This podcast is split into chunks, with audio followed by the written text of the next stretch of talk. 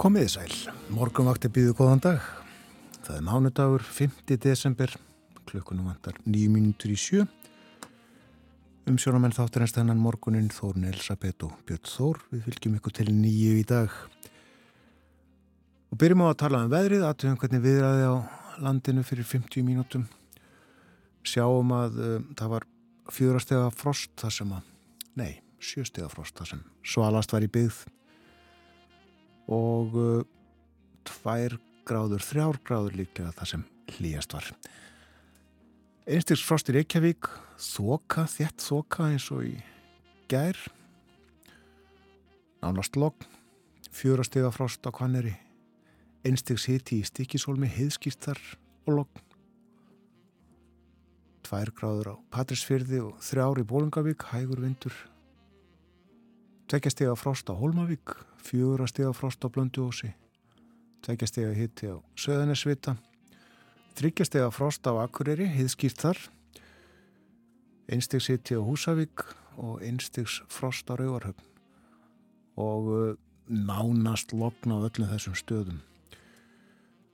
Þrjár gráður á Skeltingstöðum, tveikja stiga hitti á Eilstöðum, skýja þar fjóri metrar á sekundu, sunnanátt, einstegs frost á höfni Hortnafyrði, og einstig siti á kvískerjum, tveggjastega frost á kirkjubæðaklaustri, tveggjastega híti á stórhauða, tveir metrar á sekundu, mæltist þar klukkan 6 og aðendingu Árnes í uppsveitum Árnesíslu, svalt þar sjöstega frost en lokk.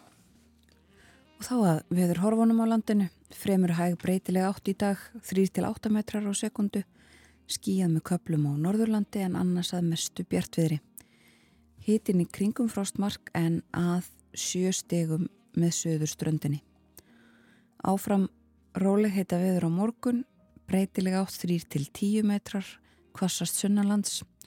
Að mestu létt skíjað en viða skúrir eða jél síðtegis engum við sjóin og frost á morgun 0-6 stig en hiti 0-4 stig síðist á landinu. Hálka víða á landinu sjáum við í skeitum frá veðagerðinni. Viljum að tala þess meira um veðrið á eftir. En uh, það er ímislegt á daskra hjá okkur þennan morgunin við viljum að tala um uh, verndun gamalla húsa. Og við viljum að tala um heilsu okkar og heilbriði bæði líkanlega heilsu og andlega.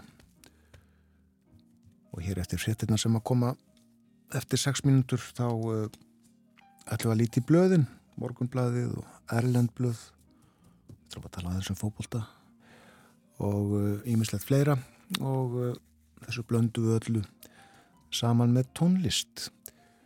Og uh, fyrsta lag þáttarins þennan morgunin er komið undir náluna hér er sungið um töfra ástarinnar og það gerir Sýrún Jónsdóttir. Við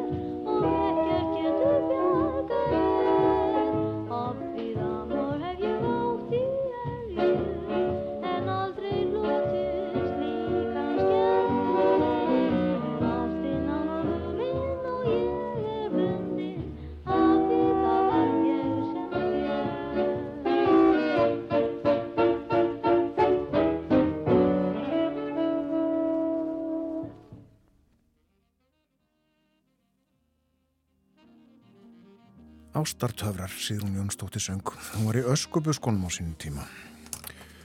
Eirikur Karl Eriksson samt í lægið, Valdimar Auðunsson tekstan.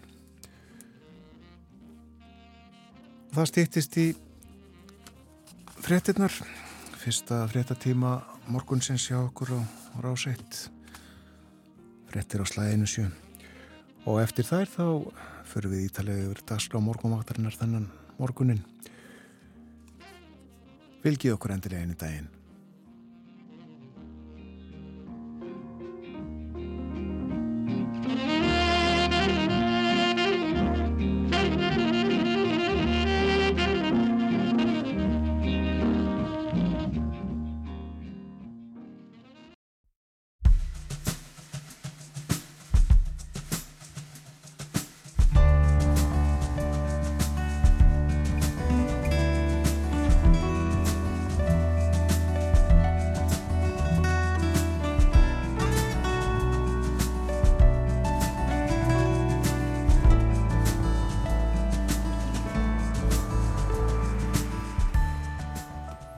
Morgumvaktin helsar og býður góðan dag. Í dag er mánudagur 5. desember.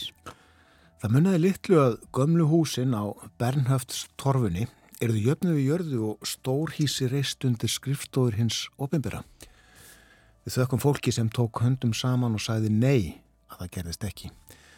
Það eru 50 ár síðan þessi slagur stóð. Þór Magnússon, þá þjóðminjavörður, lagði sitt lóð á vogaskálanar Hann flutti ávarp á útifundi við Bernhöftstorfuna 1. desember 1972 og lísti mikilvægi þess að varveita það gamla, virða söguna og verk gengina kynsluða. Við rýfum þetta upp og spjöllum um verndun og minjar. Þór Magnússon verður hjá okkur klukkan halv átta. Bæði COVID-19 og influensa eru á fullri ferðum samfélagið. Það sama má segja um aðrar öndunarfæra síkingar. Alvarleg veikindi hjá áhættuhópum, sérstaklega 60 ára og eldri, má hindra með bólusetningum. En þáttaka hópsins 60 til 69 ára er slakari en hjá þeim sem að eldri eru. Við ætlum að ræðum bólusetningar og stöðu hilsufarsokkar með Ragnhíði Ósk Erlendstóttur, framkvæmdastjóra hjúgrunar hjá hilsugjastlu höfuborgarsvæðisins eftir morgunfréttinnar klukkan átta. Okkur líður misjaflega, stundum mjög vel, stundum mjög illa, en sjálfsagt er líðan okkar flestra yfirleitt einhver staðar þar á milli. Mart hefur áhrif að það hvernig okkur líður og fæst höfum við fullkomna stjórn á sálar lífinu. En við getum þó gert ímislegt til að bæta líðanina, eins og við komum stað raunum klokkan hálf nýju þegar valgerður Ólafstóttir Sálfræðingur kemur til okkar. Umsjónar menn morgumvaktarinnar eru Björn Þór Sjöbjörnsson og Þórun Elisabeth Bóadóttir.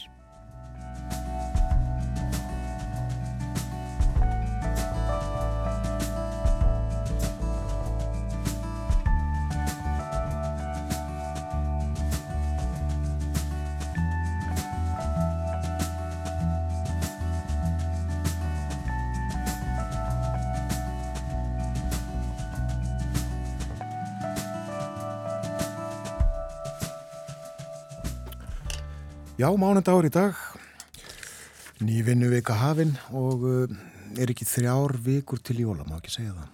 Skulum bara taka fram dagatalið, jú, það má akkurat segja það. Mm.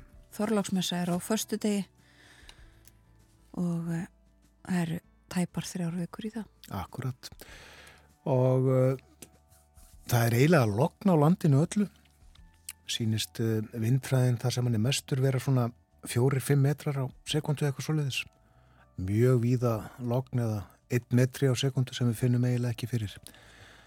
En það er þétt þokkaði Reykjavík var í það minnsta þegar við vorum á leið til vinnu og uh, hér fyrir utan út á húsi í morgun þá sá ég var alltaf handa minna skil.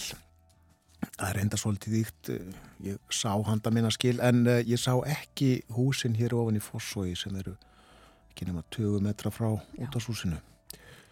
Svona var þetta um tíma líka í gær. En veðurhorfur dagsins eru alveg hendt fínar. Já, e, það er óhætt að segja það. Það er fremur hæg breytilega átt í kortunum og einmitt þegar skrunaður yfir korti þá nær e, vindræðin ekki nema þessum örfáum metrum á sekundu. Ég sé mest 5 metra á sekundu en e, hægviðri og yfirleitt léttskíjað í flestum landslutum skíjað með köplum þó á Norðurlandi og lítilsáttar suld uh, sunnanlands fram eftir morgni. Og hitin í dag er kringum frostmark en að sjö stegum með söðurströndinni, sjö stega hita sannsagt. Og á morgun þá er útlitt fyrir áframhaldandi róleg heit í veðrinu, segir í hugleðingum veðurfræðings skíðu og dálítilli vætu á norður og vesturlandi en annars bjartviðri og þurft að kalla. Frost 0 til 6 stig á morgun en hiti 0 til 4 stig síðst. Og ef við skeknumst aðeins lengra þá uh, er frost í kortunum um allt land frá og með miðugudegi og uh, eins langt og spáin nær sínist mér en bjartviðri uh, um tíma einhver staðar á landinu og eh, snjókoma í kortunum fyrst á Östurlandi og svo á Norðurlandi líka setna í vikunni. En e, tölvert frost og bjart e, á Suður og Vesturlandi. Næstu daga stóran hluta eins og spáin er núna. Þannig að það er að kólna en e, við sjáum allavega ekki útlitt fyrir neitt svona vond viður eiginlega, bara ágættis viður. Gott, gott. Og uh, það er hálka á eiginlega velflastum vegum landsins og götum í þéttbíli. Já, það fylgir þessu hálka eða hálkublettir um allt land. Ef við förum aðeins, uh, köfum aðeins ofan í þetta, þá er hálka á helliseiði, samtskeiði, mósvelseiði og flestum öðrum leiðum á Suðvesturlandi hálku blettir á Reykjanesbraut og Grindavíkuvegi en greiðfært á stoppbrautum í Reykjavík og eh, á Vesturlandi hálka á Holtavörðu heiði Bröttubrekku vatnaleið og mjög víða. Eitthvað um hálku bletti á öðrum leiðum. Og svo er hálka á öllum helstu leiðum á Vestfjörðum. Eitthvað um hálku bletti og eh, hálka á Öksnadalsheiði og nokkrum öðrum leiðum á Norðurlandi. En verða kanna ástand vega. Og eh, líka hálka á flestöllum leiðum á Norðausturlandi, eitthvað um hálkubletti líka. Sumu sög að segja frá Austurlandi, hálka eða hálkublettir á flestum leiðum en greið fært frá beruferði að höfn og áfram eins og í síðustu viku varaði reyndirum á milli hafnar og djúbavóks og hálkublettir á öllum leiðum á Suðausturlandi Hálkublettir víða á þjóðveginum á Suðurlandi en hálka á flestum útvegum. Sáum við ekki á veð, veðstofunar samantækt á veðufarni í nýleinu nógabimóniði? Jú, sannlega. E, tíðarfar í nógambur. Mánuðurinn var hlýrum alland, það kemur kannski ekki hlustundum og óvart. Hann var hlýrum all land og víða var hann á meðal hlýjustu november mánuða frá upphafi mælinga og á landsvísu var meðal hittin sá hæsti sem að mælst hefur í november. Það var mjög úrkomu samt á Östurlandi, þetta er svona samantektin. En meðalhittin, já, þremur gráðum hlýri en að meðalagi í november og uh, hann sló nömlega hita með novembermánaðar frá 1945 og uh, í Reykjavík var meðalhittin í nógumber 5,1 stig. Og eh, það er 2,9 stigum yfir meðalagi síðustu 30 ára eða svo í, eh, á Akureyri var meðalhittin 4,2 stig miklu hlýra en meðalagið og eh, í stikkishólmi og á höfn sömulegis e, töluvert hlýra en, en svona yðurlega er. Og uh, það er ekki bara hitin heldur líka úrkoman sem að vekur aðtekli um, það var mjög úrkomu samt á Östurlandi eins og sagði áðan, nýliðin mánuður um, var sá næst úrkomu samasti í 85 ára langri mælingarsögu á Dalatanga til dæmis. Og uh, úrkoma á Östfjörðu mældi sumstaðar vel yfir 600 mm í mánuðinum. Og í Reykjavík uh, þá var ekki eins úrkomu samt og uh, svona meðal úrkoma þessa mánuðar og uh, ekki heldur á Akureyri var svona nærri meðal úrkomunu en um, dagar þegar að úrkoma mæltist nánast eða nánast 1 mm eða meiri þeir voru 12 bæði Reykjavík og Akureyri. En svo er það snjórin og uh, mánuðurinn var að mestu snjólaus á lálendum allt land. Og þetta er mjög ofinnlegt Það var alaukt í Reykjavík allan mánuðin en að meðaltali eh, frá árana 1991 til 2020 þá var alkvíkt fimm daga í Reykjavík í november og Reykjavík hefur ekki verið snjólaus í november eh, síðan árið 2014 og á Akureyri var mánuðurinn líka alauður. Það hefur ekki gerst áratugum saman og að meðaltali eru 12 alkvítir dagar á Akureyri í november. Þetta er sagt, mjög ofinnilegt og eh, aðeins örstuttað fyrstu 11 mánuðum ársins. Meðalhitin aðeins herri í Reykjavík. Og eh, líka á Akureyri. En úrkoman heldar úrkoma fyrstu 11 mánuði ársins hefur aldrei mælst meiri í Reykjavík heldur en nú. Og það þrátt fyrir þetta november og 32% eh, umfram heldar úrkomu svona meðalægi í Reykjavík og eh, aðeins minna á Akureyri eh, en samt umfram meðal úrkomu 7% umfram meðal úrkomu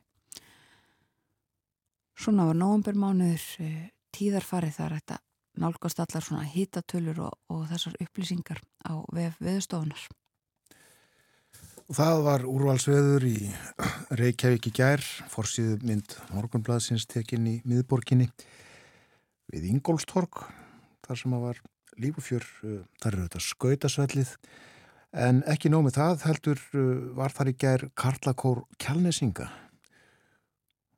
sungum en þar hástöðum og uh, fólk hlustaði á. En fórsýðu frétt Morgunbladsins fjallar um kjaramálinn og viðbröð og yfirlýsingar sem að fallið hafa eftir að starfskrinnarsambandið og samtöku aðtunulífsins gerði með sér kjærasamning.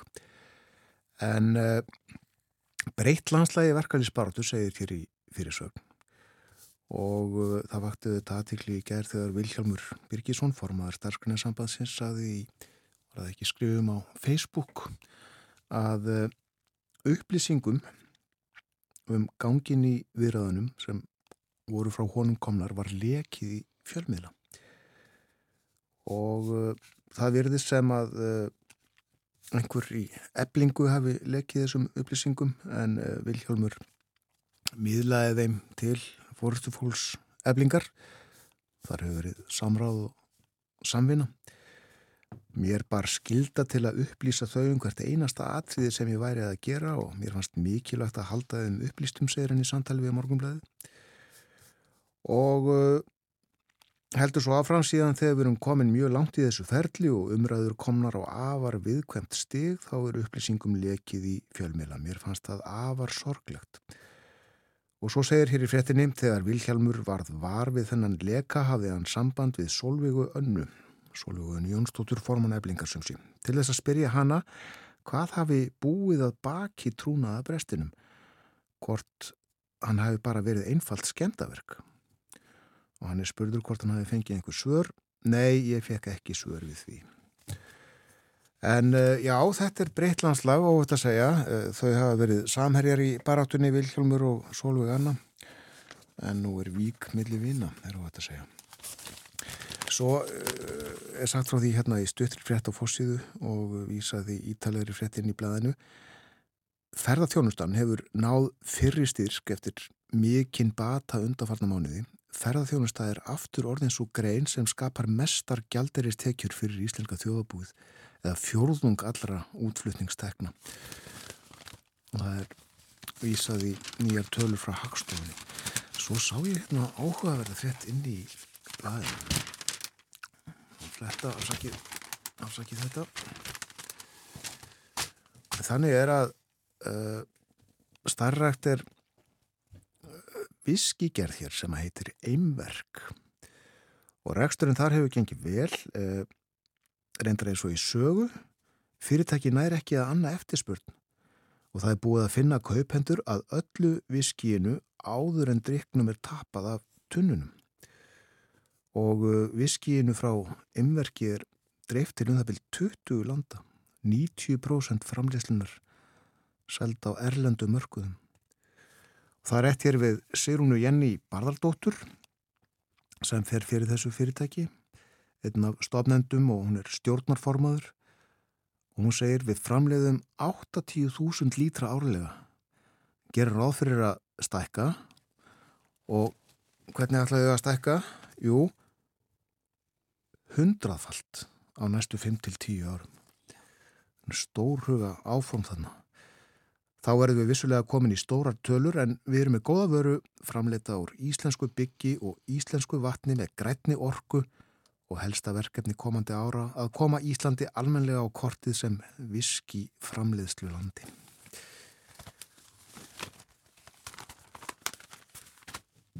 Og uh, eigum þá ekki að fara aðeins út í heim, sjá hvað helst er á forsýðum Erlendra blaða þennan morgunin. Jú, gerum það.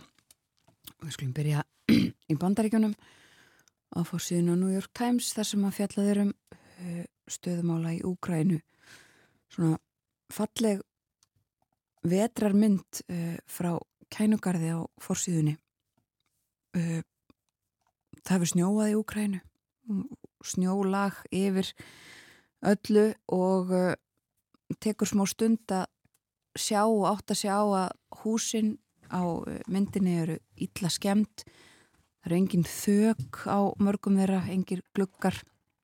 Þetta er svæði uh, sem hefur orðið illa úti, varð illa úti í sprengju árásum.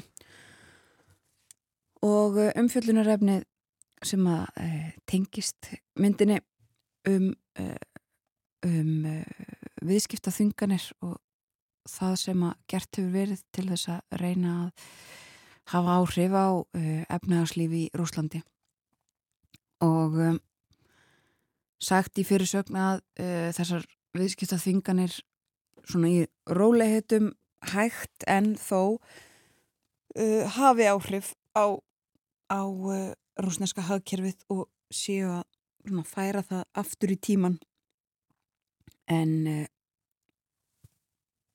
þó sé þessari sé þessu uh, ógnað.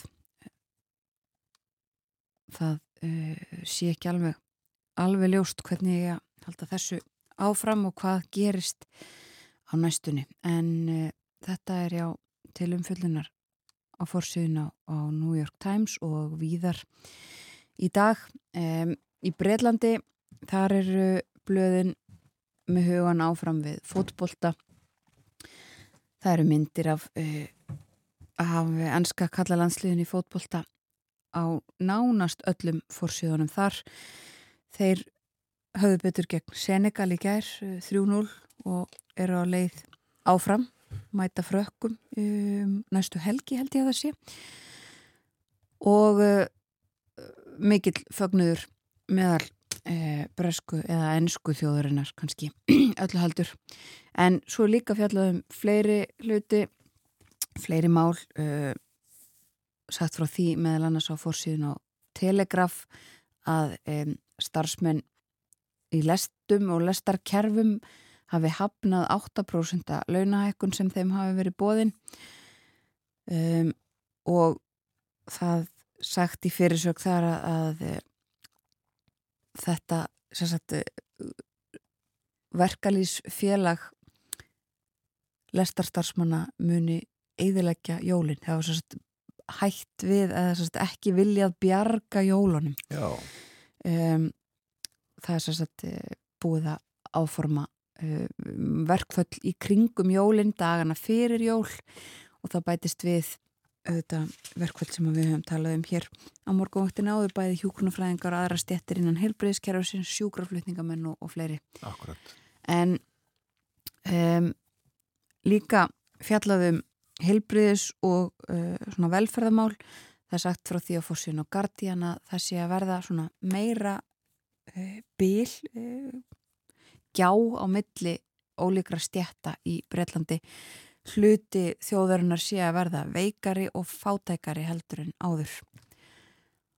Svo er það Íran, þar var tilkynntum helgina að það er þið aflög þessi síðgæðis lögregla sem að, uh, hefur verið mjög umdelt og, og henni hefur verið mótmælt, það hefur verið eitt af, eitt af málunum sem að mótmælt hefur verið vegna þess að þessu unga kona sem að andlátt hennar sem var til þess að mótmæli í Íran hófust fyrir nokkru mánuðum, hún var í haldi þessar síðgæðis lögreglu en það er ekki alveg á hreinu hvað verður gert eða hvernig. Þetta var að ríkisaksóknari í Íran sem að tilkynnti þetta en ráðuneyti viðkomandi og, og slíkt hafa ekki staðfest það uh, hvað verði gert og fjallaðum þetta í erlendum fjölmjölum uh, bæði í Svíþjóð og Breitlandi að um, þetta muni líklega ekki duga til og uh, að það sé búið að búða til eða hvetja til verkfalla, þryggja daga verkfalla í Íran vegna stöðumála.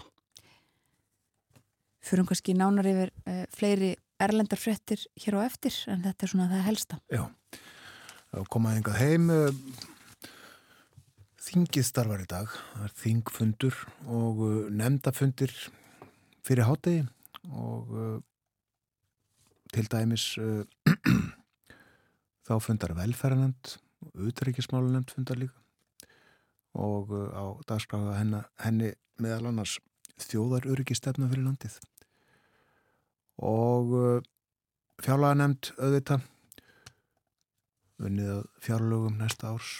Og uh, svo verður opinn fundur í stjórnskipunar og eftirlitsnefnd. Og hvað er þar á dagskrá? Jú, skýsla ríkisendurskoðunar um sölu á hlut ríkisins í Íslandsbanka. Því máli ekki lokið en þá og uh, þingfundur svo klukkan þrjú í dag og uh, það verða, verða þar á dagskrá óundirbúnar fyrirspurnir og uh, svo verður sérstök umræða líka í dag og uh, hún um uh, málefni öryrkja málsefjandi Guðmundur Ingi Kristjánsson til ansvara ráþæra Guðmundur Ingi Guðbrandsson þeir nafnarnir munu ræða þessi mál um málefni öryrkja og fleiri öruglega blanda sér í umræðutan eins og gengur.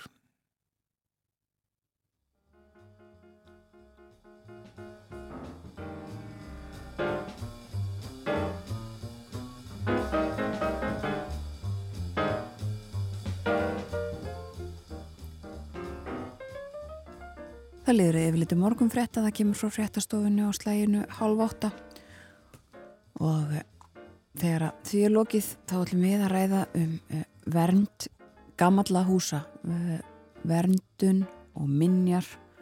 Þór Magnússon, fyrverandi þjóðminjaverður, verður gestur okkar. Svo er það heilsufar okkar, andlegt og líkamlegt sem verður á dagskráni. Eftir morgunfréttinnar klukkan átta, fyrst fáum við til okkar Ragnhiði Ósk Erlendstóttur framkvæmdastjóra hjúgrunar hjá heilsugjastlu höfuborgarsvæðisins. Við ætlum að tala um líkamlega helsu og það sem við getum gert til þess að komi vekk fyrir að veikjast alvarlega. Og svo er það andlega helsan Valgjörður Ólafsdóttir Sálfræðingur kemur með góð ráð og ræðir þessi mál við okkur upp úr klukkan hálf nýju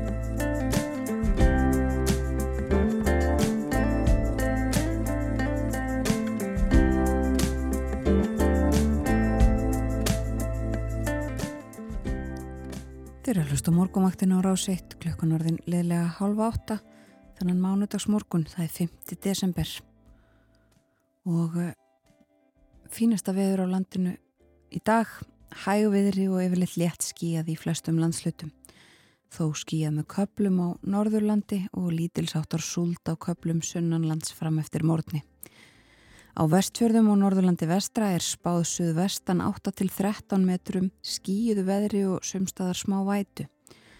Hitin 0-7 stig, hlýjast suðvestan til.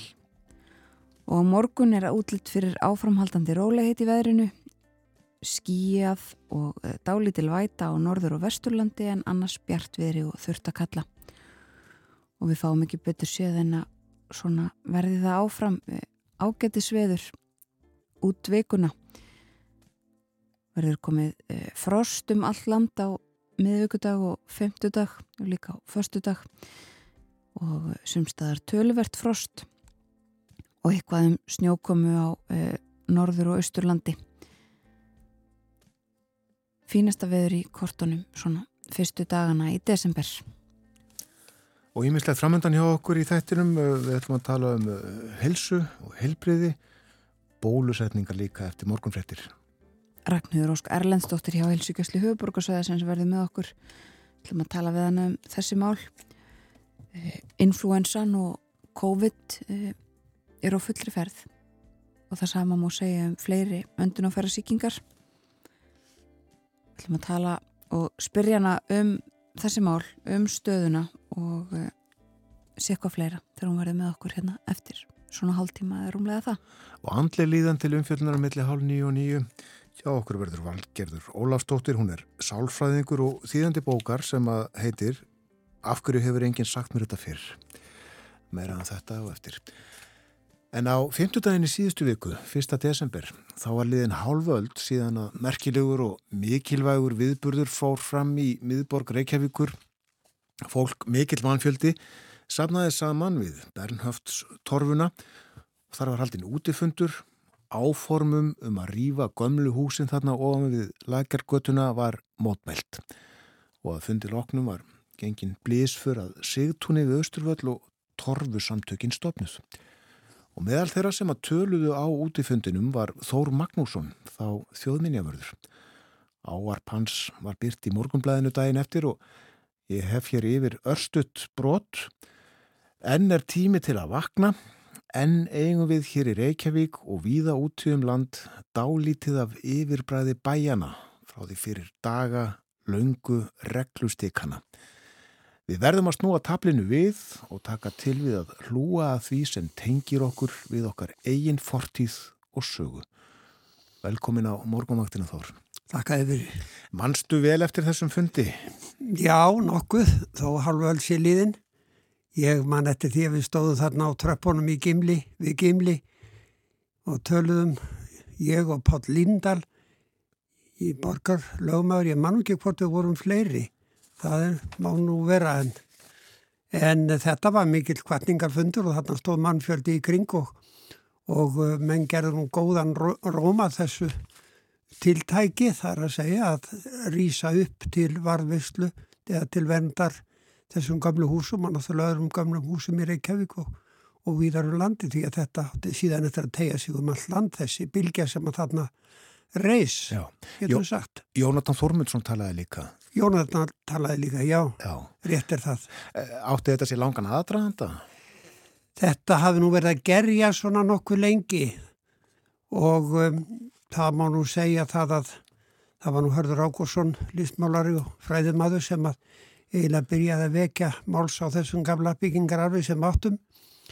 Hann uh, var nú ákala ötull og duglegur fræðimaður fórum landið og skoðaði gamla byggingar, bæði gamlu torfhúsin og síða, ekki síður þó tim, þessi gamla timburhús sem að við það voru. Skrifaðum þetta greinar í byrting og átti viðtölu og það var nú hann sem að kvikti þessa uh, já þennan eld sem að síðan tók að loga og svo kom náttúrulega margir í kjálfarið. Já, já eh, eldurinn logaði en það var kallt þegar fundurinn var, ég las það í morgunblæðinu, kalsa veður, en fólk stóð af sér norðan garran, saði í frásöfblæðsins. Það er rétt. En þetta var daggóður hópur sem að þarna kom saman Já. og uh, svo eins og að þau sagði uh, fór í Sigtún og stopnaði Torfu samtökin en uh, húsin standa en hversu nálagt voru við að rýfa þau? Ég held að það við staðið mjög nærri. Það var búið að teikna hann að gera allavega svona frumdröð að stjórnaráðsbyggingu, skrifstofuhúsi fyrir stjórnaráðið og um, þá átti að, að rýfa allt þetta, alla þessi gamlu hús, alveg milli bankastrætis og, og ammastífs og uh, byggja að manni fannst ekki mjög fallet í staðin það, ég man nú eftir hvernig þessari tekníku sem að byrtist í blöðum Já. og það var raunni bara uh, mentaskólinn og síðan uh, síðan stjórnaráði sem áttu svona að innramma þennan já, maður getur nú sagt eiginlega óskapnað því að þetta var ekki fallegt að sjá á þeim tekníku sem að byrtust og ég held að þetta fylgti nú mælinn að mann fannst þetta nóg komið að að niður yfir og eðileggingu. Já, þá er auðvitað búið að reysa mókahöllina við alltrætti á þessum tíma? Já. Og það var skrítið hús ofan í gamla miðbæðinir í kegg. Já, en aðtöðu, ef að mókahúsið hefði ekki komið, þá hefði auðsutrætti verið framlegt upp í gegnum grótaþorpu upp í garastætti. Það stóð til. Rifið það að þessu? Já. Og, og ekki bara það heldur stóð til að, að framlengja söðgötu gegnum, gegnum Grjótaþorp og nýra á Vestugötu og, og ekki, ekki bara heldur það, það átti líka að breyka tungötu og það átti að gera þarna umferðaræð nýður tungötu fram hjá uh, Aldingishúsinu, fram hjá Dómkirkjunni og uh, upp í gegnum Tingkoltin og, og, og inn á Gretskötu. Þetta voru hugmyndir sem voru setta fram 1963 minni mig Danski, danskur arkitekt sem hann held ég að hafi hitta Breðstorf sem kom með þessa hugmynd og hún þótti við stansi snjöll. Og það var byrjað að rýfa, það voru rýfin húsinn þarna uh, við hlýðina á Hotel Borg. Og það var rýfið Ammarshúsi sem stóð ofan við Ammarstígin, mjög fallet nýklassist hús. Og svo var, um, svo var hérna, um, voru uppsalir rýfnir Ég þekkti nú konuna sem átti uppsali og það hús lendi í niðuníslu og vegna þess að hún fekk aldrei vita hvort húsið ætti að standa til frambúðar eða hvort það ætti að rýfa, það var látið alltaf veðri vaka, þetta ætti að rýfa innan tíðar og það var náttúrulega ekki lagt í neina, í neina varðveislu eða, eða viðgerðir.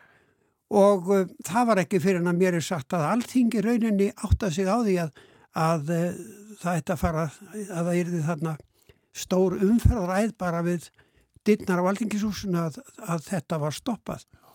Og um, ja, þá var nú búið að vinna hansi mörg herrvirkið þannig að menn hafði nú sett kíkið fyrir blinda augað og, og sagt að þetta væri, þetta væri framtíðir að leiða umferðana gegnum miðbæginni sem að nú er náttúrulega horfið algjörlega frá. Já, eh, já ég mitt eh, það er bara ágætt að reyfja þau upp reglulega að það stóð til að sópa bara grótaþorpinu burt. Algjörlega, sko, það væri ekki til í dag af þessar hugmyndir hefur náðu fram að ganga.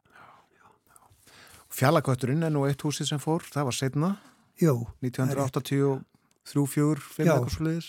Það nú, voru nú mikið látök og uh, fundahöld og, og slíkt og og um, en það var nú svona skilningur var ekki mjög mikill og, og eða viljinn. En uh, svo fórum hann að byggja í það að byggja eins konar eftirlíkingu af fjallakettirinn þetta við, við aðastrætið sem að margir svona gagrir nú en það er sama þetta er svona þetta er svona ímynd þessa ímynd þessa var getur við sagt. Já.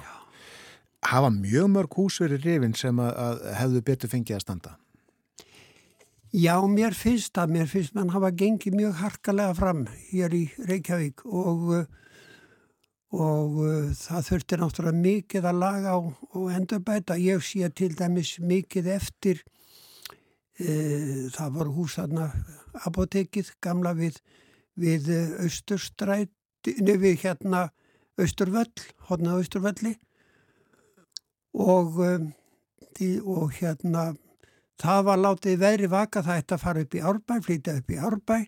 Það var nefnilega þannig að árbæjarsam sem nú byggt upp að mestu á gamlum húsum og Reykjavík, það var eina nota sem skálkaskjól að eh, fjarlægið að rýfa gömul hús, já við flyttum bara upp í árbæ. Og það var gert í nokkrum tilvikum og, og til dæmis uh, mannja hérna Vesturgata 7 sjóbúð sem að, sem að gemli Geir Sóika byggði og bjói hún átt að fara upp í árbæ en í staðin voru þessi húsbæði sem ég nefndi þau voru bara rifin og tætt í sundur og, og verði ekkert úr því en árbæðasafn er, er að sjálfu sér ágætt en, en svo var nú horfið frá þessu og, og reynd heldur að endur bæta húsin og láta þau standa á sínum staðan og eða færaðu til í bænum eins og við það hefur verið gert og hefur tekist ágerlega. Já, já. Já, það er uh, lausna þínu skapi ef, ef, ef ekki betri kostur er í bóði að, færa hús. Já, það er, það er betra að færa þau og eiga þau þá heldur en að sjá alveg eftir þeim ef þetta er hús sem manni finnast einhvers fyrir bæði, bæði sögur svona vegna og, og snoturleika og, og slikt því að það er nú svona menn eh, þó að mann byggir nýtt þá finnst mann að það ekki alltaf takast alveg nógu vel. Nei, það, það er alveg rétt. En hva, hvað virðist þér hafa ráðið för í þessum efnum? Er það, sko, er það skiplasmál að hafa hús bara staðið á óuppiljum stað þar sem þarf að koma eitthvað annað eða, eða er þetta bara peningar? Já, manni finnst það nú ofta þarna séu peningarnir á bakvið loðareigandur. Þeir eiga oft gömul hús og vilja byggja stórt í staðin, hafa mikið upp úr þeim og við, við sjáum nú sérstaklega þessa gríðarlega hótelbyggingar í Reykjavík sem hafa nú farað fyrir brjóstið á mörgum og hafa nú orðið mikla, mikil átök og deilur sérstaklega náttúrulega hóteli sem að reysa þarna á á, uh, á hotni austur vallar og þar sem að gamla apotekki var sem að sem ég nefndi mm. Og uh, líka þarna við lækjargötuna, ég hef nú alltaf séð hvernig það lítur út en Ég óg nú um í gerðkvældi, það var náttúrulega myrkur og mér síndist að vera svona eins og gamaldags af framhlýð, það nú að skoða það betur. En, en e, þá tóka svona svolítið á bæði fortíð og nútíð þar að segja menn eru að reyna að byggja þetta nýtt í gömlum stíl eins og var með fjallaköttin. En e, svo er náttúrulega mikil óhaupa mér finnst, mér finnst til dæmis alveg ræðilegt að sjá þessi hús sem eru þarna byggðinni við, við höfnina nýju húsin. Og um, þetta er ekki fallegt og undarlegt að okkar góðu arkið þetta þeir skul ekki geta teikna falleg hús en mann er sagt að það sé mjög þrýst á af hálfu eiganda, hálfu húsbyggjanda á sem allra mest pláss á og oft fara minn alveg út á ístunöf í, í því sem heimild er Já Þannig að það er ofta eins og þú segir peninga til þess að ráða og það eru stórar hótelkeðjur á bakvið þetta sumt og jáfnvel, jáfnvel miklu peningamenn í útlandum fjarr í Íslandi sem að, sem að leggja peninga í þessi þessar stóru nýbyggingar. Já, það getur nú allaveg verið gott að skipula ráðist engum á því hvað menn geta byggt mikið. Nei, það er nú svona bara því miður, það eru peninga sem að ráða oft á tíðum. Já.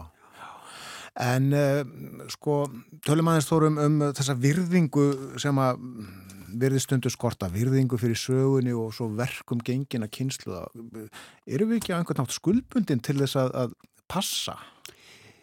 Mér finnst það og ég var nú, ég var nú í þannig starfi lengi að mér var unni falið að gæta þjóðminni okkar á svo náttúrulega því mörg, mörgum örnum sem að unnu að því líka.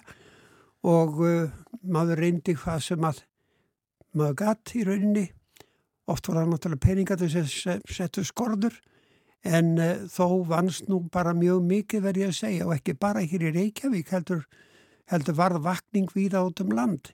Í varðvislu gammallar bygginga og, og þær hafi verið gerðar upp og notaðar, það er náttúrulega frumskilir að þessi gamlu hús séu notað, notuð til, til einhverja vitulegra og góðra þarfa Já og það er í þeim, ég sumum er breytt í íbúðarhús eða lögu til fyrir íbúðarhús, það eru jæfnir hótel, gistihús, það getur verið söpn og það er ímislegt, eða menninga, alls konar menningar miðstöður.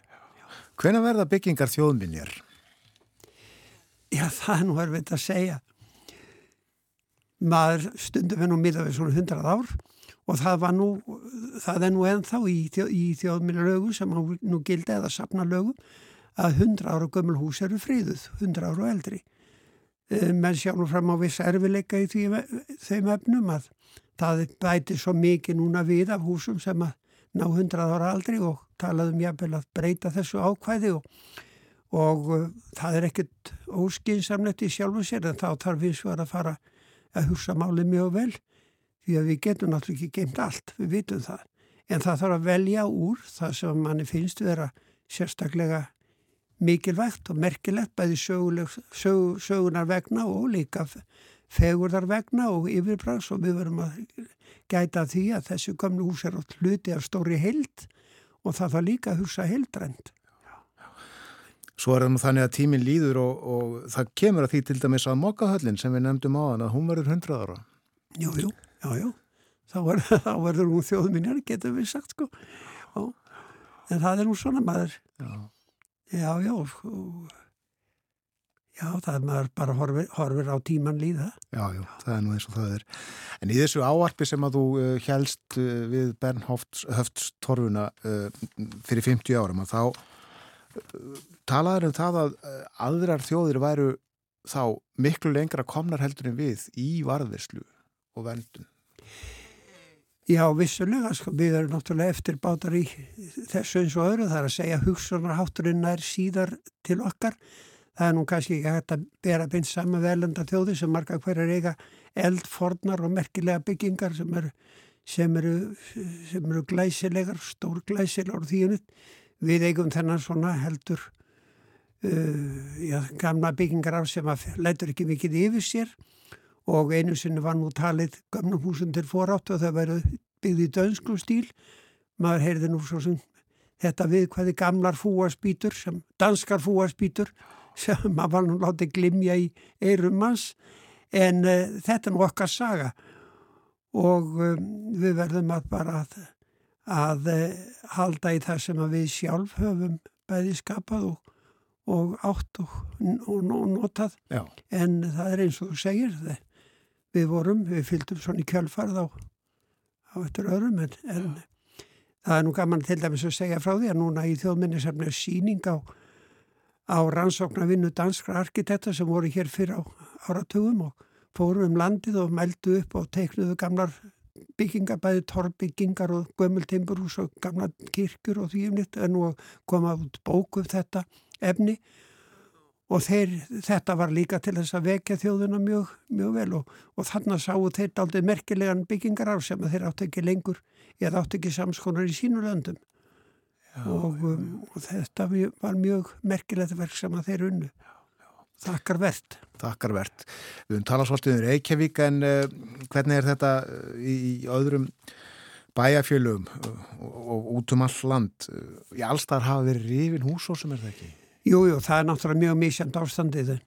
En við það hefur, hefur nú verið hefur nú verið einmitt hugað að þessu varðislu gamalla bygginga. Við eigum svona mjög heileg gömul byggðar hverfi við það. Við getum tekið til að við Ísafjörð með sínum átjöndarhúsum neyri næsta göfstað sem að nú er búið að gera upp og þau eru notuð bæði sem veitingahús og það eru samt. Nú, við getum nefnt Akureyri, við getum nefnt Seyðisfjörð að vísuð hafa nú orðið þar stór slist núna með þessu skriðuföllum en þar var mikið af fallegum og merkilegum, merkilegum húsum frá því að Seyðisfjörðu var uppgáns staður og svona höfuð staður Östurlands en uh, þessi áhug hefur náð mjög víða og, og uh, það má segja að þjóðminjarsafnið sé nú um vernd á gamlum byggingu víða en það er aðalega út um, út um sveitir. Já. gamlar torkirkjur, gamlir uh, torbægir þessi stóru torbægir eins og Glömbæg og Laufási og, og víðar. En um, líka hús, einstakku hús í, í köpstöðum og köptúlum Þannig að um, viða hefur nú unnist á litið og ég held að skilningar hafi nú vaknað viða en það þarf nú alltaf að halda baróttin áfram. Já. Og hvað finnst þér þá, uh, þó svona í lokinum uh, nýja miðbæin á Selfossi? Já, það er svolítið skrítið að hugsa til þess. Þetta er svona, já, ég skal ekki segja, skemmtilega tilraun kannski til að færa hugan aftur í tíman. Ég hef nú ekki skoðað þetta grandvarlega og ekki komið inn í mörg af þessum húsum en, en þannig er raunin verið að búa til búa til gamal, það voru gert grína því stundum að búa til fondminjar, kalla búa til fondminjar, en þannig er um það að ræða að, að byggja hús í gömlum stíla, það er að segja framliðarnar, minna á gömul hús sem að stóðu víða um landi merkilega. Hús. Þetta er svona skemmtileg tilvörnum kannan að eigana en ég veit ekki hvort þetta er nokkur sem að ætta týðka mjög víða en við skulum bara sjá til hvernig hvernig þannig til tekst og hvernig tíminn kann að melda þetta. Já, svo er það einmitt það, já, hvernig tíminn fer með þetta. Já.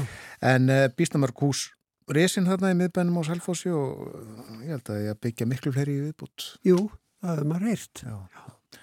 það verður áhugavert að fylgjast með því öllu saman en þó svona í blálokkin það er nú svolítið síðan að þú uh, lést af ennbætti sem þjóðminna verður um, en ert alltaf með hugan við, við söguna og heiði liðna? Já, maður var náttúrulega inngróin í þetta. Ég, ég byrjaði nú ungur á að sækja þjóðminnarsafnið mjög oft og ég segi nú svona mér, ég sé nú eiginlega alveg upp þar.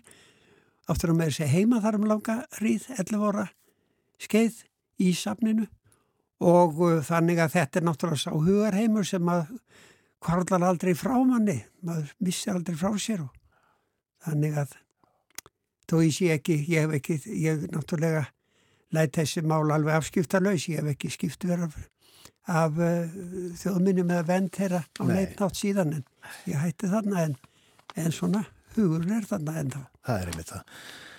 Verðum auðvitað að nefna baráttu þína með, með fleira fólki fyrir uh, Víkur kirkjugarði sem að, já, tapæðis, hún baráttu að tapæðist. Já, því miður fór það mjög illa og uh, Það er nú svo merkilegt að ég rakst á í dagbók Kristjáns Eldjáls.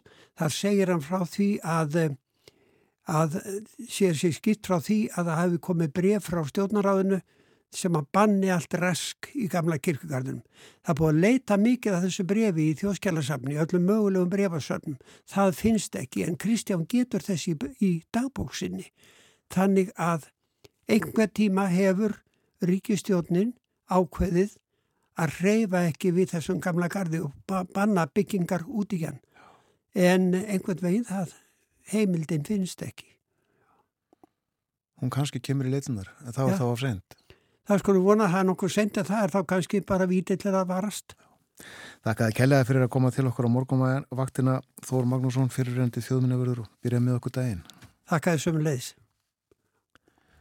Og framöndan eru fréttir hjá okkur, þar kom eftir fimm mínútur fyrst auglisingar og eftir fréttinnar verður hér eins og framhauðu komið Ragnhjóður Ósk Erlendstóttir frangatastjóri hjúkurnar hjá heilsugjæslu höfuborgarsvæðisins við ætlum að tala um líkanlega heilsu okkar.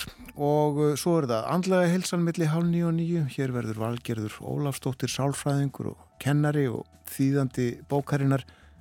Af hverju hefur enginn sagt mér þetta fyrr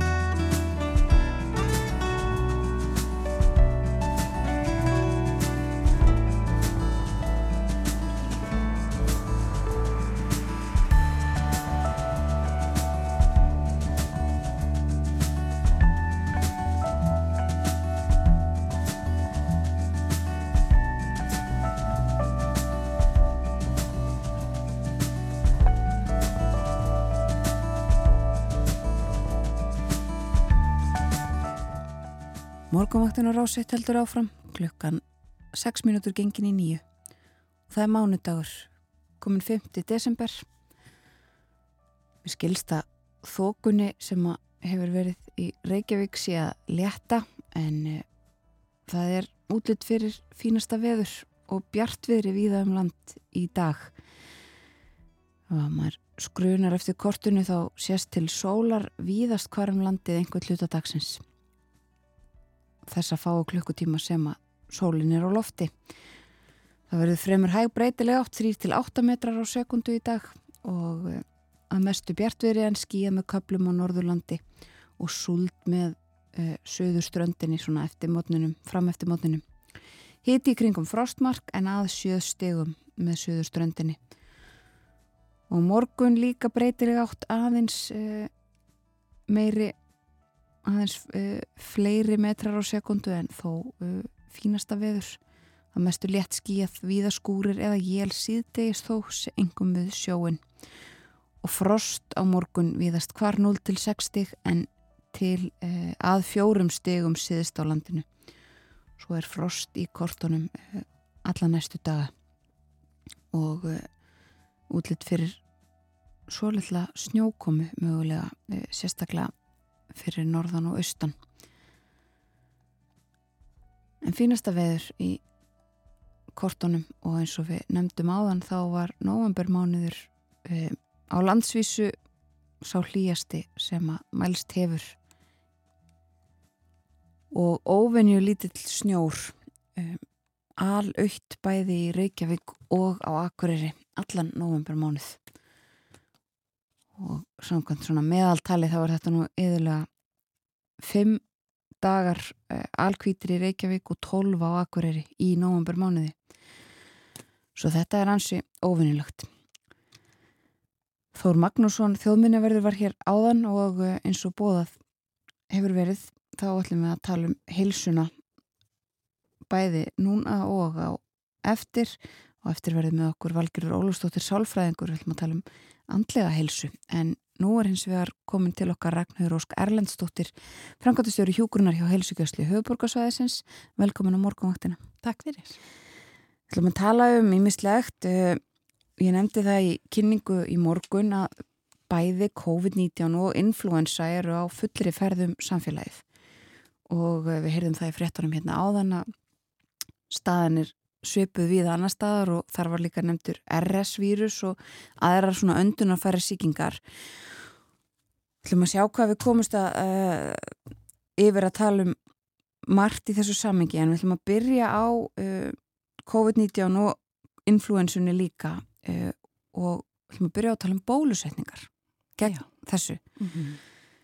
Sko þið eruð að fara í svona sérstakt áttak til að reyna að koma fólki inn í bólusetningar. Já, það er kannski að því að við sjáum uh, hvað er að gerast núna af öndunafæra síkingarnar eins og hún nefnir, bæði COVID, influensan og RSN er að slá okkur svona virkilega fast núna mis, þetta misserið og er að koma nokkuð snemma verist vera og við sjáum það er mikið verið að leggja inn á landsbytjalan, bara fólk er alvarlega veikt og það er að fjölga núna innlögnum þar.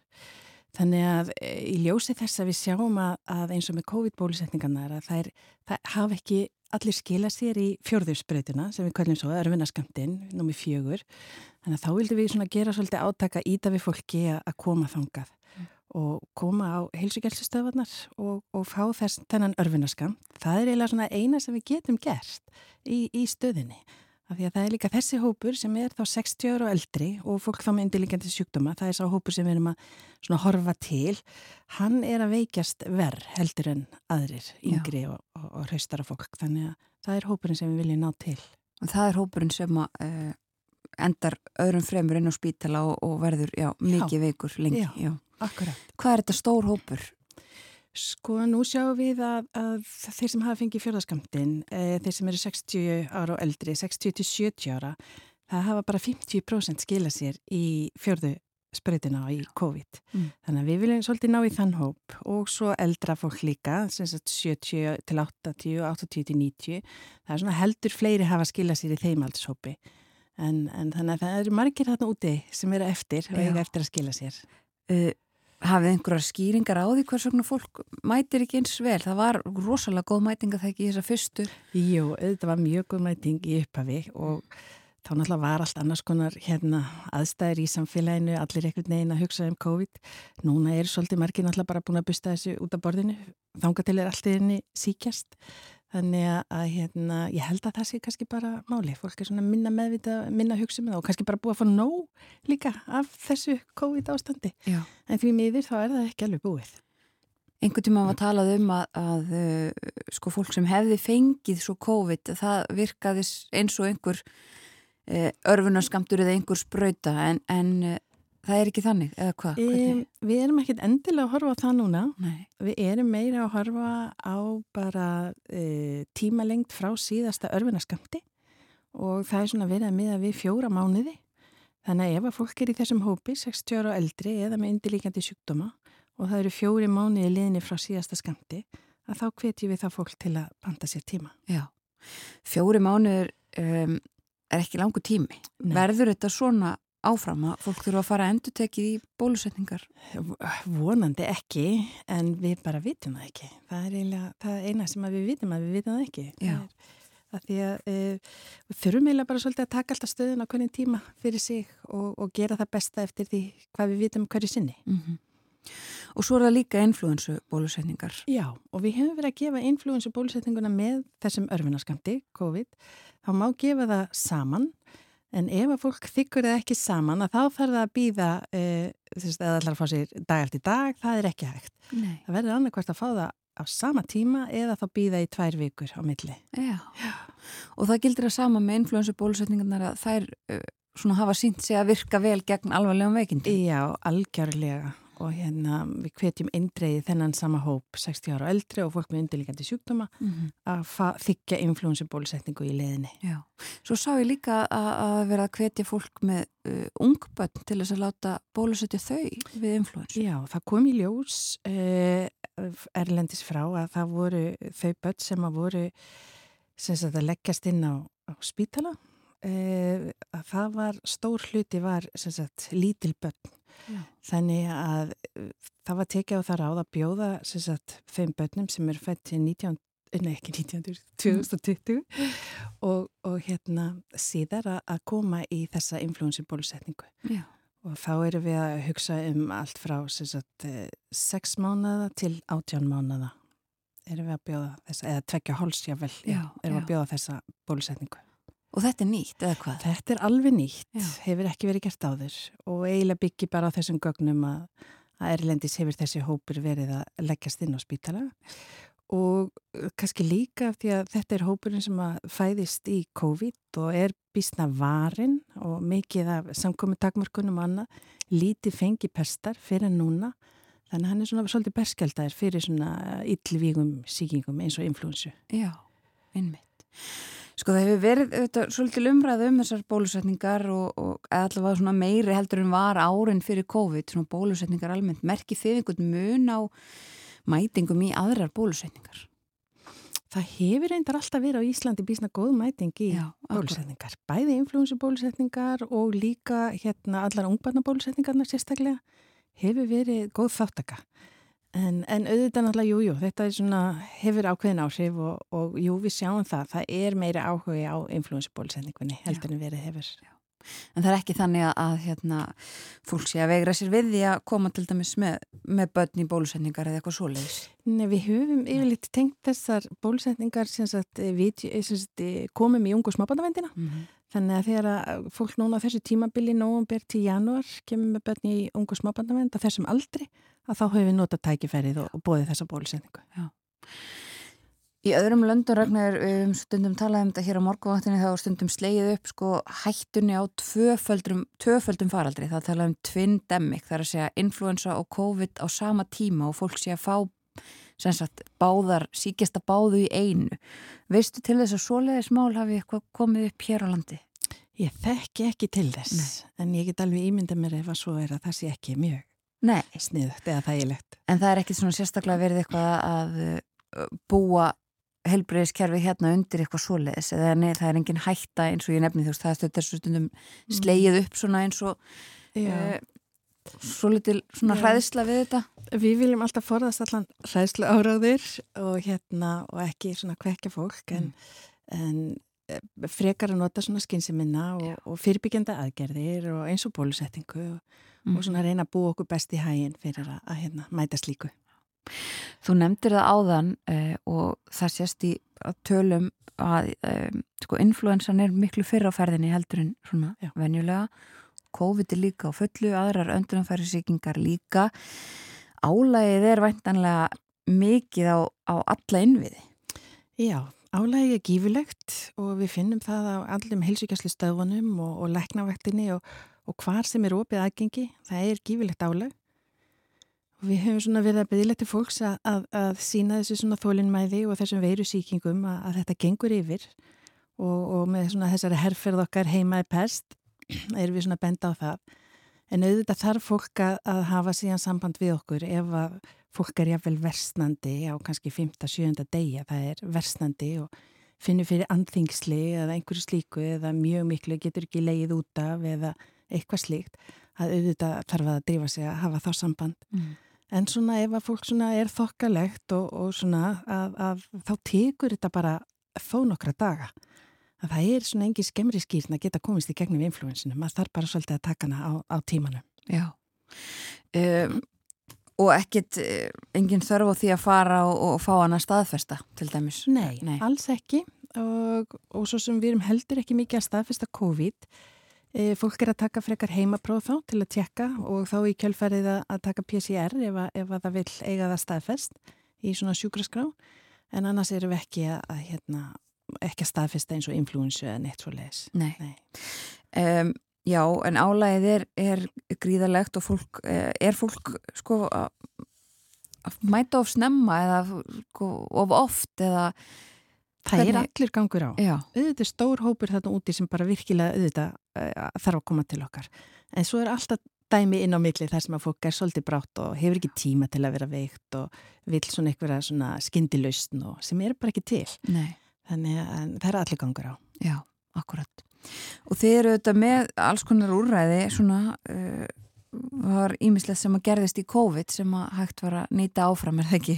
Jú, og við lærðum það í COVID hvað var mikilvægt að eiga þetta svona svolítið samtal og vera svolítið nálegt almenningi og við opnum upplýsingamiðstöð í, í COVID og þar sem að við erum bæði með e, síma, þar sem við sörum 1700 símanum á daginn og svo erum við líka með 513 1700 númeri sem við svörum og við erum líka með netspjall á heilsuvera. Á heilsuvera.is þá er svona lítil búbla neðst í hægra hotnu sem að heiti netspjall og þar kemst fólk beint í samband við e, hjógrunafræðing. Þarna er opið frá 8 til 22 á hverjum einasta degi og er hægt að fá að spjalla og svolítið líka meta stöðina, hvert, hvort, hvort fólk þurfa að leita og hvert að eigi þá að leita. Já. Þannig að þetta er svona ákveðin vegvísir líka í leðinni.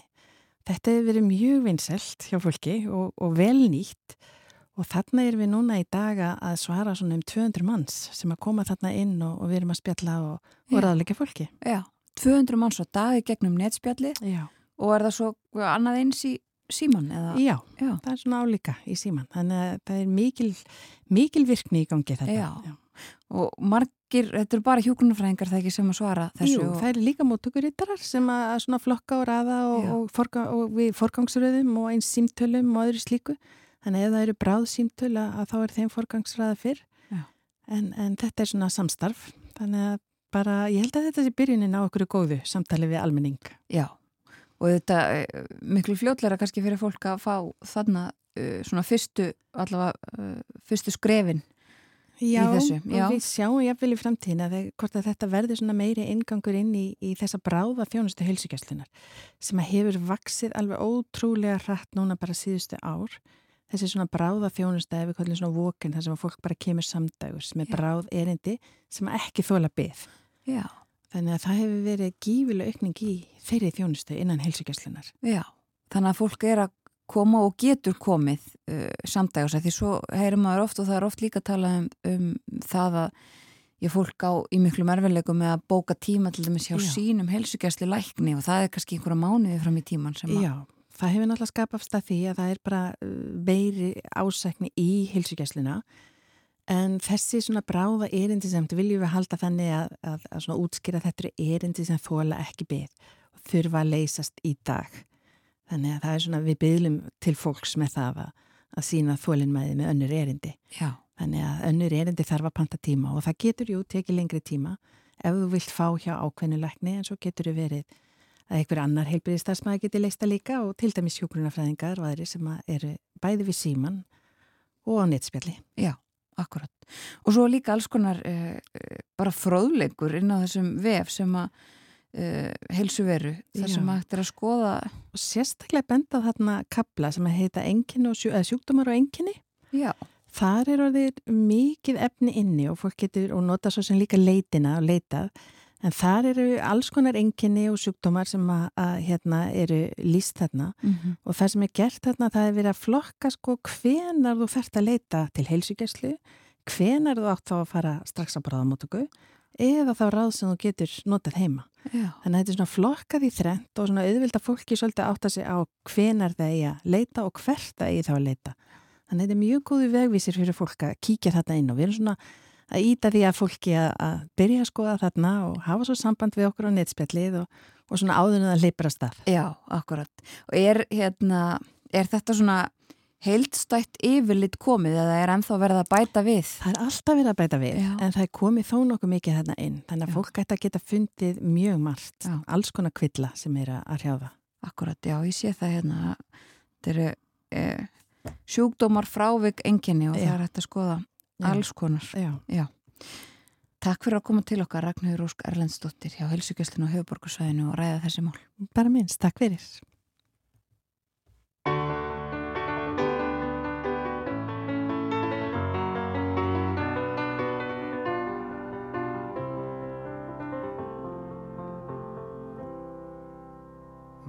Morning has broken like the first morning. Blackbird has spoken like the first bird. Praise for the singing, praise for the morning, praise for them springing fresh from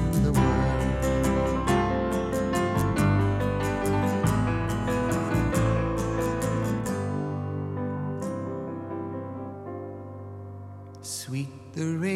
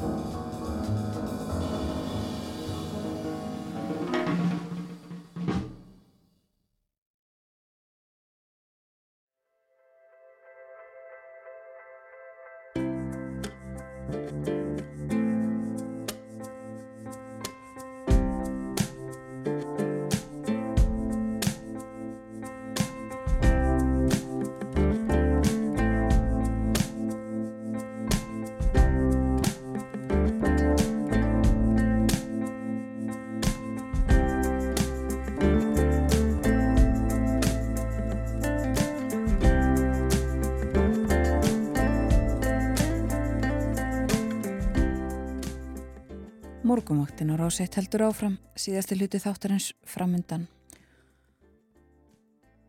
Og uh, í dag verður hægviðri og yfirleitt létt skíjað í flestum landslutum, lítilsáttar súld þó á köplum sunnanlands fram eftir morgni og skíjað með köplum á Norðurlandi. Hittin í kringum frostmark en að sjöstegum með söðurströndinni. Á morgun er útlitt fyrir áframhaldandi rólegheit í veðrunu. Skíuðu og dálítilli vætu á norður og vesturlandi en annars bjartviðri og þurft að kalla. Og þannig er það áfram næstu daga. En það er tölverð hálka eða hálkublettir um allt land og eh, borgar sig að fara varlega út í daginn.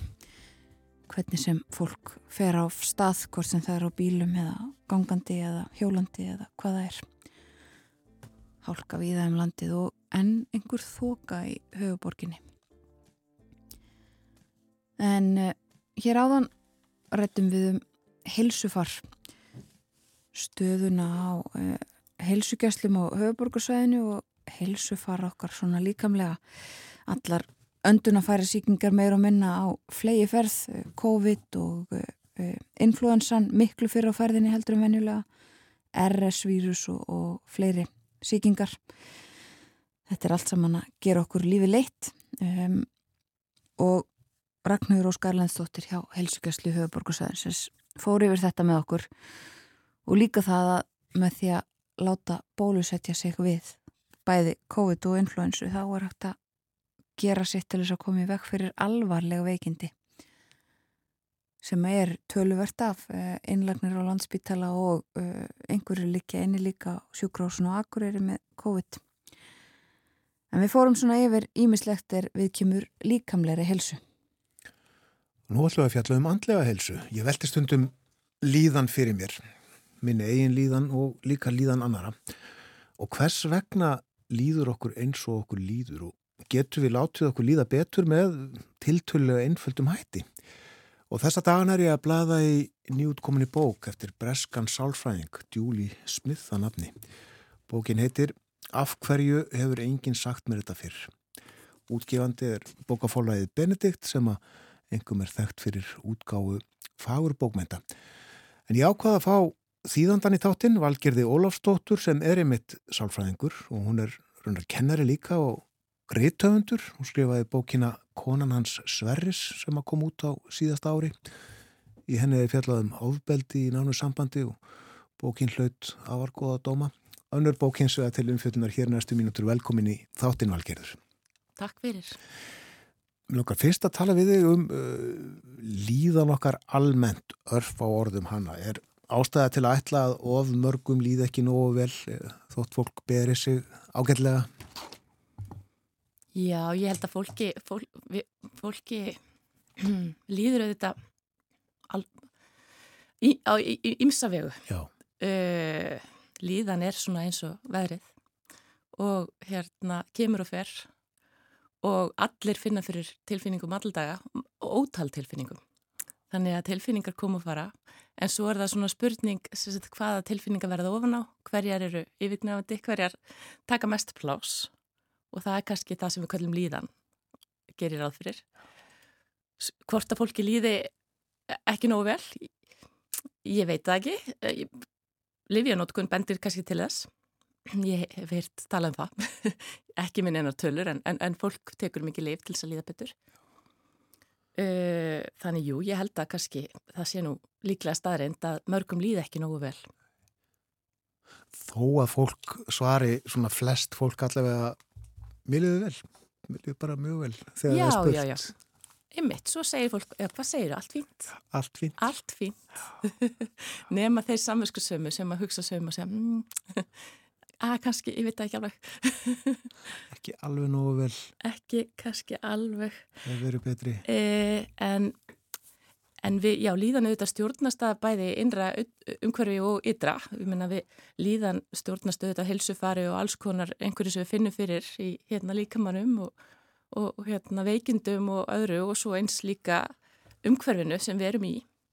E, þannig að hérna líðan er ekki eitthvað stöðut fyrirbæri. Hún er svona svolítið eins og verið Hún er eins og verið mitt, já. En er hægt að draga upp svona tiltölulega innfælda mynda því sem að, að sko einkennir eða, eða hefur áhrif á líðan okkar. Já, kannski, eh, kannski ekki einfalda mynd en, en, en svona uh, uh, í grunninn þá auðvitað það sem hefur áhrif á líðan okkar er kannski að við sinnum þörfum okkar og uh, grunnþarfinnar það, er, eru þarfinnar sem þarf að hugsa um fyrst og það vita flestir hvernig að hugsa um lítil börn. Að þegar að litli barni líðir ekki nú vel þá hugum við strax að grunnþörfunum. Við, við hugsaum um að hvort barni sé svangt hvort það sé þreytt hvort að við höfum hugsað nú vel um það. Og það sama á við um fullara fólk. Að, að grunnþarfinnar þarf að hugsa um fyrst.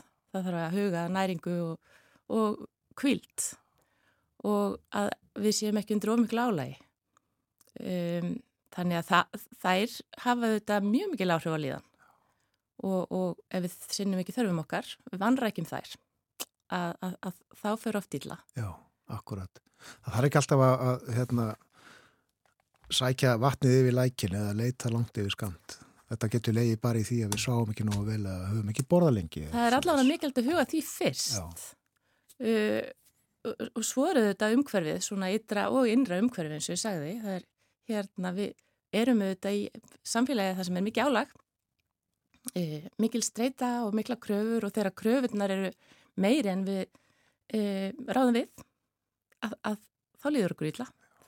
Þá, þetta er aftur svona sjálfsögsvandi en, en kannski ekki endilega, e, tökum ekki endilega alltaf eftir þessu, erum blinda á þetta.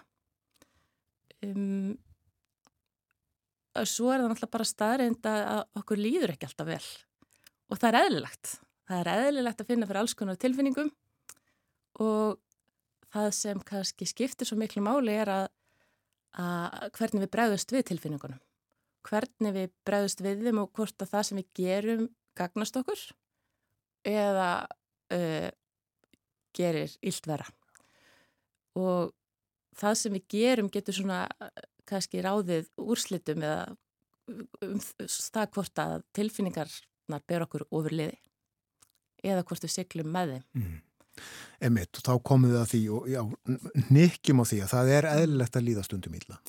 Það er fullkomlega eðlilegt að líða stundum ílla og, og manneskjan, við erum öll í eilveri baráttu í lífinu, lífið er baráta og, og manneskjan er líka þannig gerð að uh, það er svona í eðli okkar að leita upp í hættur og taka eftir þeim og til þess að, að er einn bjarga líf okkar og, og þar á leðandi verða erfiðar tilfinningar oft fyrirferðarmiklar og það er óumflíjanlegt.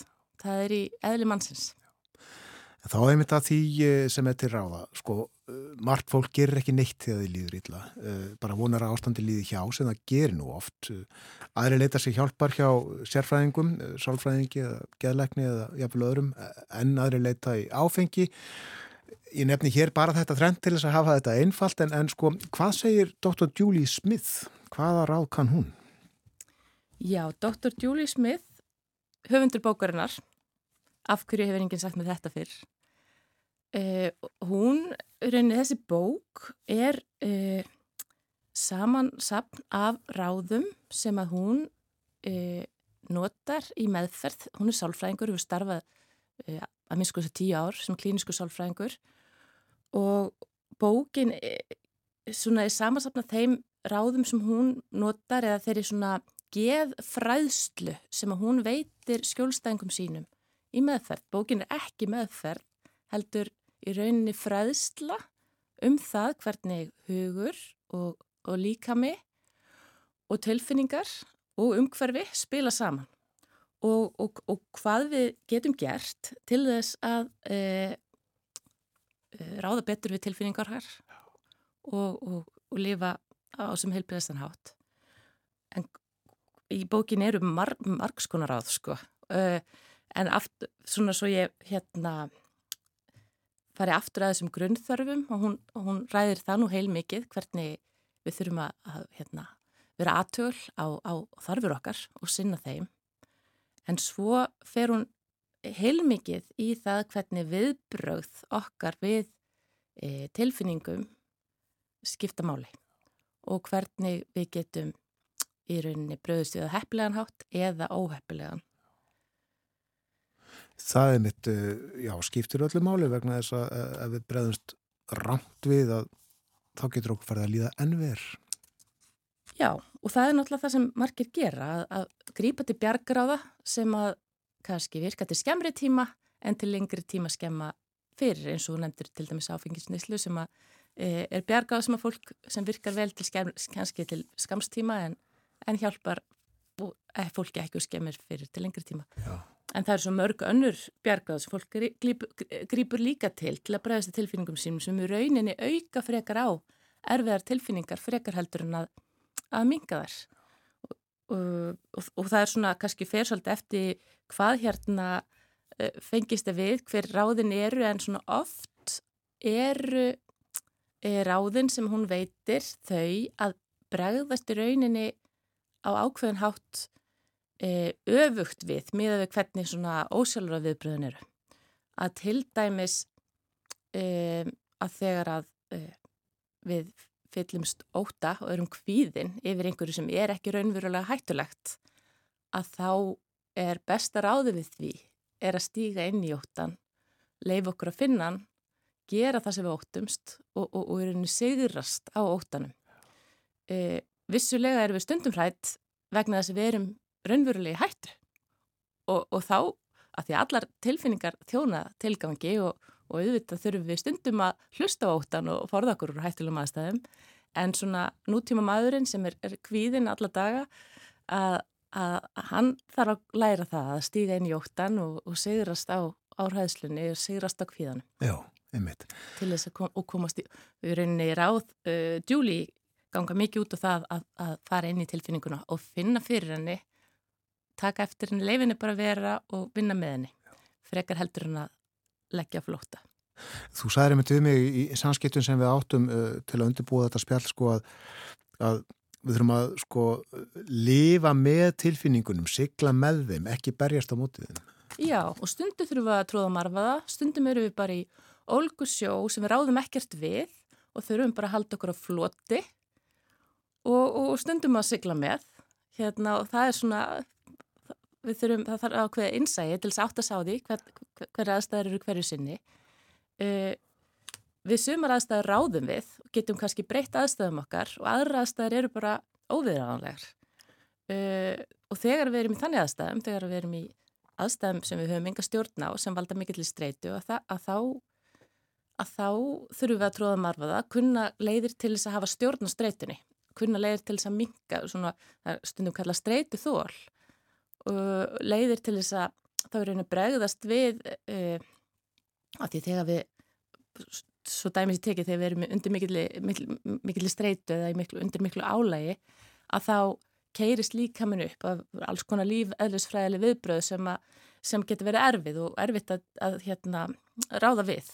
Og þá eru uh, þá er gott að, að kunna aðferðir til þess að róa tögakerfið til dæmis, til þess að höndla erfiðleikana og, og þetta er svona dæmum það sem hún kennir í bókinni, það eru aðfrið til þess að hinnlega að e, róa drifkerfið sem er e, streytukerfið í líkamannum og virkja sefkerfið sem er svona kerfið sem að hérna tengist ró og, og slökun oh. og þetta getur við gert kerfisbundið en við þurfum að við, þekka og, og vita og kunna Já. en það er hægt að læra þetta Annars hægur við mig eh, sko lausnin eða, eða ráðin eru oft sjálfsögssannindi sem að fólk er samt bara ekki meðvitað um.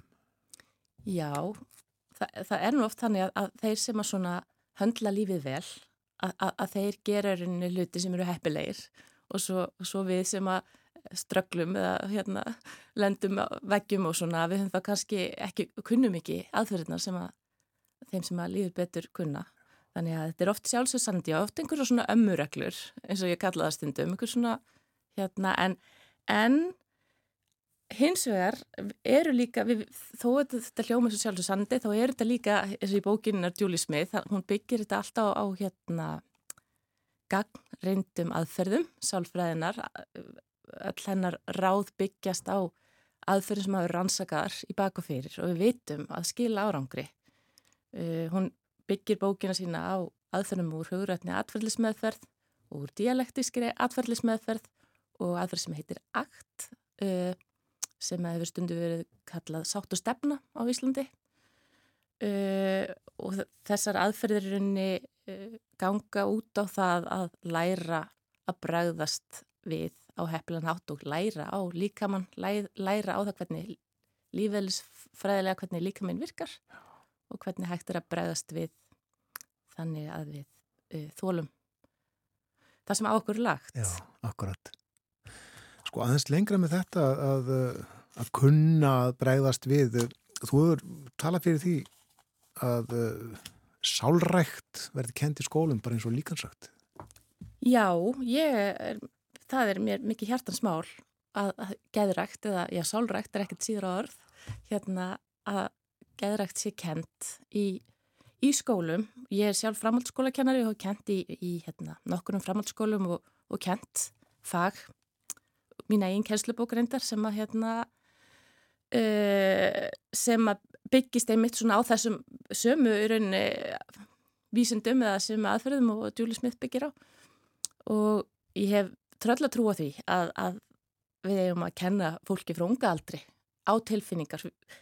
Sko, bara það eitt að eiga orð yfir tilfinningar sínar skiptir mjög mjög máli og því e, betur sem við getum tjáð líðan og því fleiri orð sem við eigum að þeim er meiri stjórn við, við. Vitum það, þannig bara það að kenna börnum og unglingum að, að tala um líðan sína skiptir mjög mjög máli.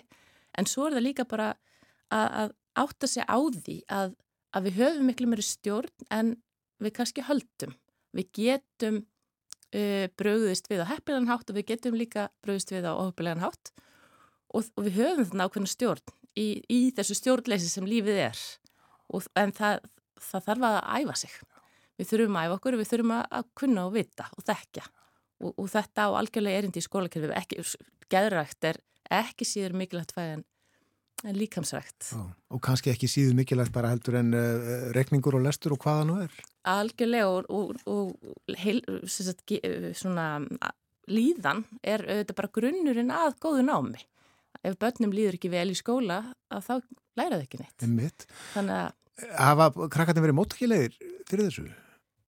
Já, auðvitað eru þau, ég, ég hef verið að kenna unglingum fyrst og fremst uh, þetta fag eða, eða geðrækt. Og þau eru auðvitað móttakilega en jú, mér finnst það, mér finnst það og mér finnst þau þakklátt og ég hérna eitt sem ég á alveg eftir að nefna sem er líka svona rauðu þráður í bók Julie Smith að það er aðteglin og hvert við beinum aðteglinni uh, núvitund hefur verið svona eitthvað sem margir hafa kynnt sér undanferðin ár núvitundur auðvitað svona ákveðin bara aðferð til að beina aðteglinni kerfispundið að því sem er hér og nú annað hvort e, í líkamannum eða bara í umhverfinu og, og hérna svona nota aðteglina sem akkeri. Og það hef ég gert mjög mikið múlingunum að, að þjálfa hjá þeim aðteglina, gera æfingar af því að það hvert aðteglina beint í rauninni skiptir svo miklu máli þegar líðan Aðteglina er svolítið eins og vasuljós, uh, við beinum ljósgeislanum að einu í einu. Og þegar okkur líður ekki nógu vel að þá er tilhengin svo að beina aðteglina að því. Og þá tekur það svo mikið pláss, það verður svo fyrirferðar mikið. En það er hægt að beina aðteglinni annað, það er að velja hvert aðteglinni beint. Og það hjálpa, það er eitt af bjargráðunum, eitt af þeim bjargráðum sem kannski hjálpa til við að, að komast gegn erfiða tíma. Já, af hverju hefur enginn sagt með þetta fyrr? Þetta eru nokkri kaplar í þessari bók eftir Julie Smith, uh, lokakablin heitir um innihaldsríkt líf og uh, þar er talað meðal hann sem um haminguna Mér langar hér í blá lokina eh, hafa örf á orðum hana. Ég held að fólk vilja almennt vera hamingjusamt og, og, og mjög margir stefna að því. hvernig er það? Þegar, þegar hamingjunni er náð því ástandi, er þá bara vanlíðan öll úr sögunni? Já, það já, það er bara spurning, hvernig skilgreinum við orðið hamingja, sko? Ég held kannski að í hugum margar að sé hamingjan eitthvað svona sem er handan við hotnið, já, einhver svona að þá líð okkur bara vel. Að þá líður manni, þá sé bara, þá sé erfileikarnir úr sögunni. En það er einhver, svona, það er tálsín. Ég, ég held að þanga komustu seint. Þannig að ég held að spurningi sé kannski að skilgreina haminguna þannig að hún sé innan seilingar, að hún sé eitthvað sem við getum náð. Uh, hvað er að vera hamingisamur? Og, og hérna, þú, þú sagðir innihaldsrikt líf að, kaplin, var ekki lokakaplin sem heitir það. Já, að kannski að beina kannski sjónum frekar að því að, að hvernig lifi ég innihaldsríkur lífi? Hvað er innihaldsrikt líf? Hvernig lífi vil ég lifa og hvernig, og þá hef, kemur hérna svona auðvitað er hérna skiptir miklu máli sko hvernig við bregðumst við. Bregðumst við við lífinu e, í takti við gildi ok, gildin okkar. Það sem skiptir okkur mestu máli. Hvað er það sem skiptir mestu máli lífinu? Beina sjónum að því. Frekar heldur en að e, sjá fyrir sér þjáningalust líf. Akkurat En fyrir uh, mestu og mikilvægt að, að fólk veldi þessu öllu saman fyrir sér. Já, ég held að það sé nefnilega svo ofbúslega mikilvægt og að, að, að svona hugsa um eigin uh, hugsanir og eiga orð yfir líðan og velta fyrir sér viðbröðum sínum. Og það, það skiptir mjög miklu máli gefa sér tíma til þess. Þakkaði kellega fyrir að koma enga á morgunvaktina. Takk sem leiðis, takk Alger Rólafsdóttir Sálfræðingur og kennari og uh, þýðandi bókarinnar af hverju hefur enginn sagt mér þetta fyrr? Dr. Julie Smith er höfundur. Og uh, í þessari bók Ímis ráð, hagnít ráð sem hægt er að grípa í þegar uh, fólki líður ekki alveg nógu vel. Og þetta var síðasta viðtal morgumvaktarinnar þennan morgunin klukkan alveg að verða nýju, vantar umar 6 mínútur, spjallaðum heilsu, bæði andlega og líkamlega í þættinum. Fórum áðan yfir gerðum svolítið grein fyrir viðtalinu sem við áttum hér fyrr við Ragnæði Ósk Erlendstóttur frangatastjóra hjúkrunar hjá heilsugjæslu höfuborgarsæðisins en snemma í morgun var Þór Magnússon fyrirverandi þjóðminjavörður gestur okkar. Tilefnið uh, þar halvöld liðin síðan að uh, hópur fólks uh, barðist fyrir uh, verndun húsana á Bernhofts Bernhoftstorfinni og við lækja guttu og uh, það var sem sagt fyrsta desember 1972 sem að haldin var útifundur þarna á torfinni eða við hana. Og gengin svo blísfur að sigtúni við Östurvöll þar sem á torfu samtökinu voru stopnud. Já, við rýðum þetta upp með Þór og uh, töluðum um uh, hús, gömul hús niðurreif þeirra og mikilvægi þess að uh, vernda þau fórum stullega yfir söguna. Hann rifjaði líka upp það stóð til að bara sópa öllu grjót og þorpun í burtu leggja hraðbrötir þarna þess og krussum við borgina. Já, láta austustrætið fara þarna niður með í stað gömlu mokka hallarinnar suðugötuna yfir og að vestugötu þetta hefur verið allt, allt önnur borg og miðbær. Þauðkom fyrir að það gerist ekki. Já. En já, morgunvaktinni er lokið eh, þennan mánudagsmorgun. Við verðum hér aftur í fyrramálið. Bjóðum góðan dag þegar klukkuna vantar um það byrj tíu mínútur í sjö. Þauðkom samfélgina í dag. Njótiði dagsins og verið sæl.